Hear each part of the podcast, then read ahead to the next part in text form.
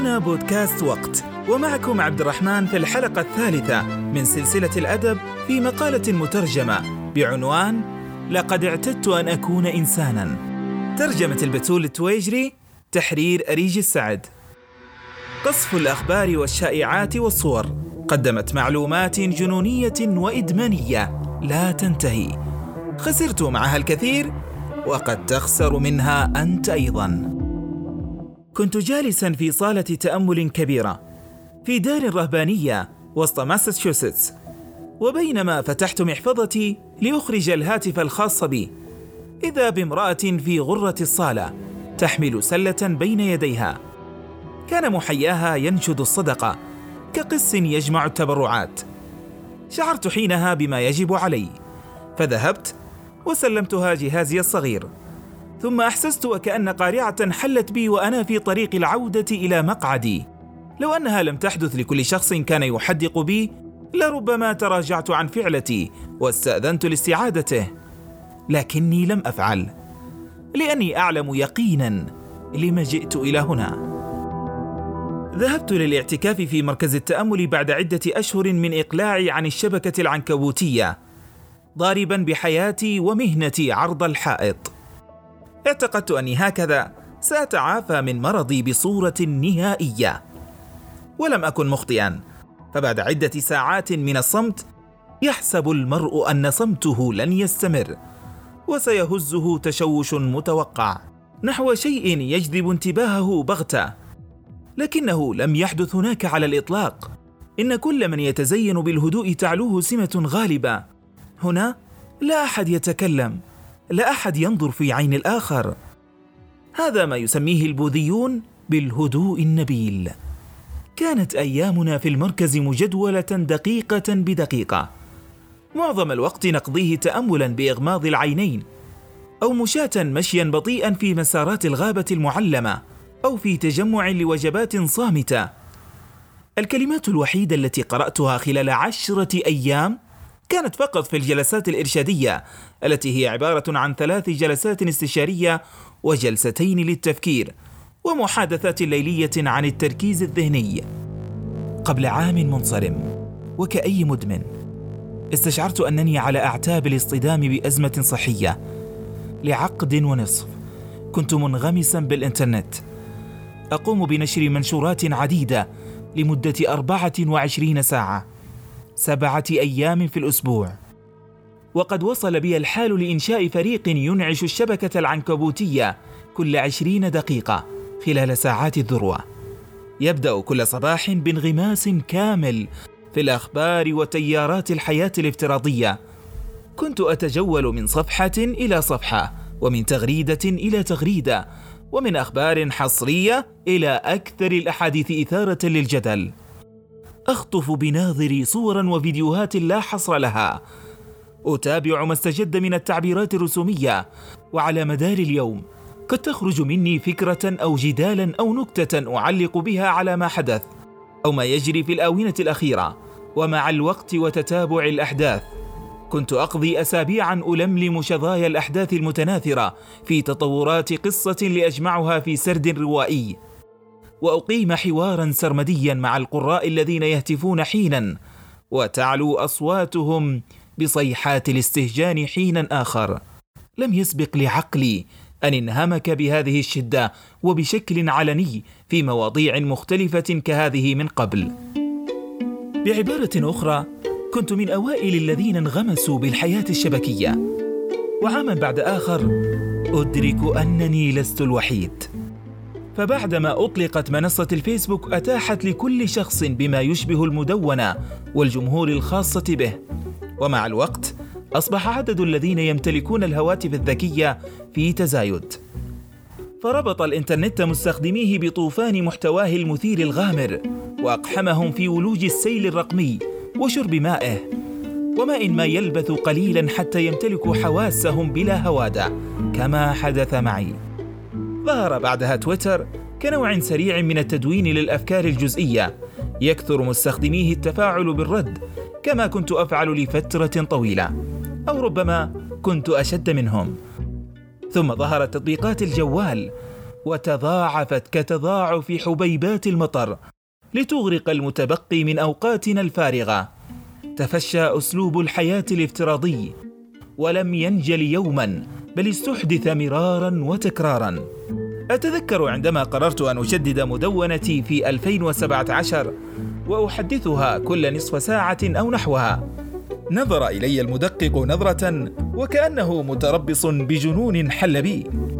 لكن الجنون يعد شيئا تافها في هذا الوقت حيث أن الوتيرة الخيالية للمدون المحترف بالأمس أصبح اليوم الخيار الافتراضي للجميع.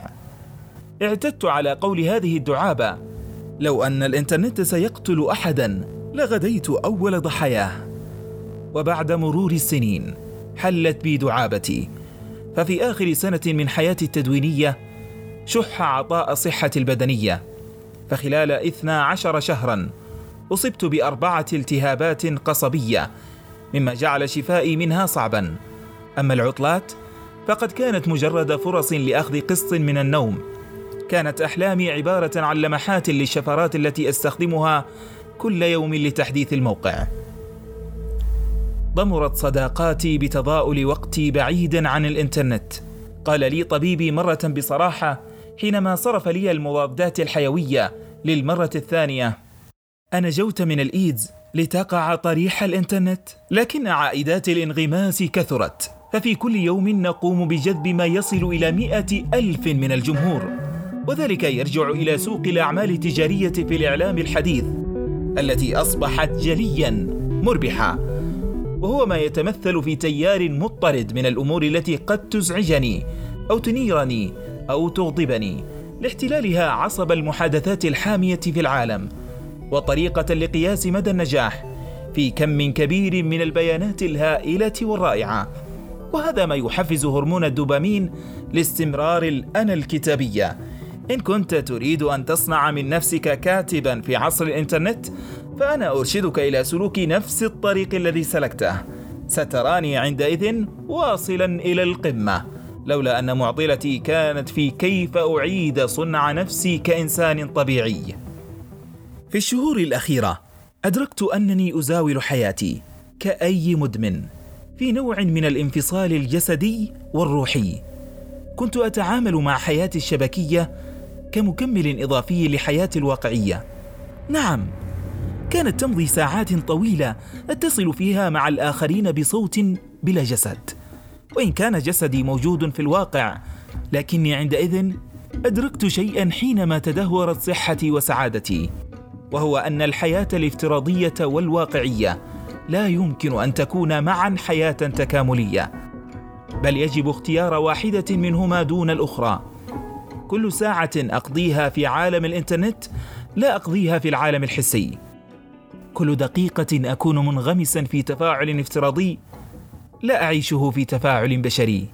كل ثانية أعيشه فيها بتفاهة هي ثانية ضائعة من أي نوع من التفكر أو الطمأنينة أو الروحانية. أما عن مهارة تعدد المهام كانت مجرد سراب. لأنني كنت إما أن أعيش كصوت في العالم الافتراضي أو كبشري يعيش في عالم يعيش فيه البشريون منذ ابتداء الزمن. تشربنا لهذا المحتوى الذي أصبح يطلق على كل ما يشكل الفيديو أو الصور أو الكتابة. لم يعد مورده الأساسي عبر شراء المجلات أو الصحف أو عن طريق وضع إشارة مرجعية على مواقعنا المفضلة أو اختيارنا الفعال للقراءة أو المشاهدة. بل وجهونا نحو عدة تفاصيل صغيرة مشتتة لا حصر لها في وسائل التواصل الاجتماعي نستقي منها المعلومات والتي تتوالى علينا بدقة وملائمة مصممة بطريقة فردية. دعونا لا نجامل أنفسنا بأننا نستطيع التحكم بما يشدنا وراء ضغط الأزرار فلقد قام تقنيو وادي السيليكون بخوارزميات مبهرة اكتشفوا فيها نوع الطعم الذي يشدك كسمكة صغيرة إليها. لم يسبق أن وجدت تقنية معلومات لديها معرفة عميقة لعملائها مثل ما لديهم أو قدرة هائلة على التحكم بشبكاتهم العصبية وإبقائهم مولعين بها. هل أنا أبالغ؟ هناك دراسة صغيرة لكنها دقيقة في عام 2015 وجهت إلى شباب يافعين. أثبتت أنهم يستخدمون هواتفهم لخمس ساعات يومياً في 85 وقت متفرق. أغلب هذه الأوقات محصلتها أقل من 30 ثانية لكنها متراكمة لأكشف بعض التفاصيل. لم يتبين للمستخدمين مدى إدمانهم إذ يقيمون استخدامهم لها بنصف استخدامهم الحقيقي.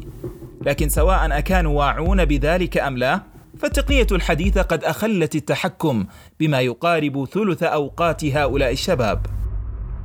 فقط انظر حولك. إلى المنكبين على هواتفهم وهم يعبرون الطرق أو يقودون سياراتهم أو في تجولهم مع حيواناتهم الأليفة أو مع ملاعبتهم أطفالهم. انظر إلى نفسك في طابور انتظار القهوة أو أثناء استراحة العمل أو أثناء القيادة أو حتى في دورة المياه.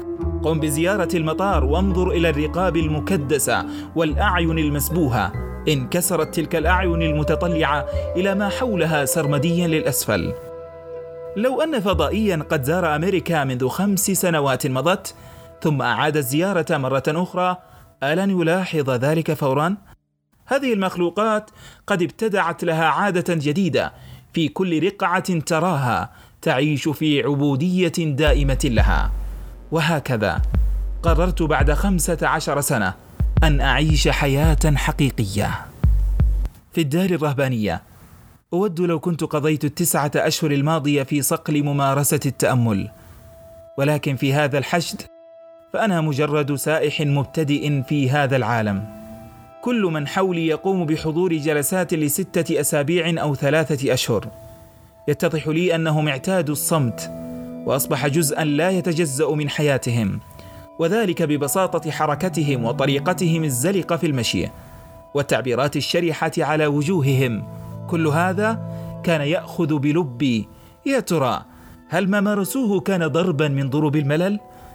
كيف كانت هالة صمتهم تتسع رقعته عندما يحيطون بي في كل يوم؟ فبخلاف العادة غالبا كلما زاد عدد الأشخاص في غرفة ما على الضجيج أما هنا فإن الصمت يطبق بعضه بعضا. حينما كنت ملتصقا بهاتفي كان الضجيج السمعي والبصري يلاحقني بصيب سرمدي من الكلمات والصور. فأكون كالمستمتع المنعزل بضجيجه من بين أولئك الذين يتأملون كنت الوحيد في صمت وظلام. ومع ذلك شعرت بالتوازي معهم حيث تباطأ نفسي. وسكن عقلي. وبدأت أحس بجسدي أكثر. أشعر به حين يهضم ويستنشق. وحساسيته ونبضه. أما عقلي فقرب من البعيد المجرد إلى القريب الملموس. كانت الأشياء التي لا ألقى لها بالا تشدني الآن. في نزهة تأملية في الغابة من يومي الثاني لم يلفت انتباهي بروز ضوء الخريف على الأوراق وحسب. بل شدتني تلك البقع الملونة على الأوراق الساقطة حديثا. وذلك النسيج من الحزاز النائم على لحاء الشجر. والانسيابية التي تلاحمت بها جذوع الشجر مع الجدران الصخرية العتيقة. وتثني نشوة عارمة لألتقط لها صورا بهاتفي لكنها ضمرت حينما فتحت محفظتي الفارغة. ثم نظرت لبرهة وفي لحظة ما أدركت أني أضعت الطريق وتحتم علي أن أعتمد على إحساسي بالاتجاهات. استمعت إلى زقزقة العصافير لأول مرة منذ سنين. حسنا بالطبع أنا أستمع لها دائما ولكن منذ فترة لم أنصت لها. أنصت لها بحضور قلبي وعقلي. كان هدفي أن أضبط تفكيري. قال لي صديقي سام هاري الذي يمارس التفكر تذكر. إذا كنت تعاني فأنت تفكر. كان علي ألا أسكت كل شيء في عقلي المشوش بل أن أوجهه نحو الهدوء نحو التصور الصحيح نحو الأراضي المراحة بعد الحرث ليحيا العقل والروح من جديد. انطوى ذهني عن عالم الأخبار والتنافس المشتعل الأزلي وبدأت أعي أمورا جديدة مع مرور الزمن. لا شيء يستحق التنافس عليه. لا شيء نخاف ضياعه منا.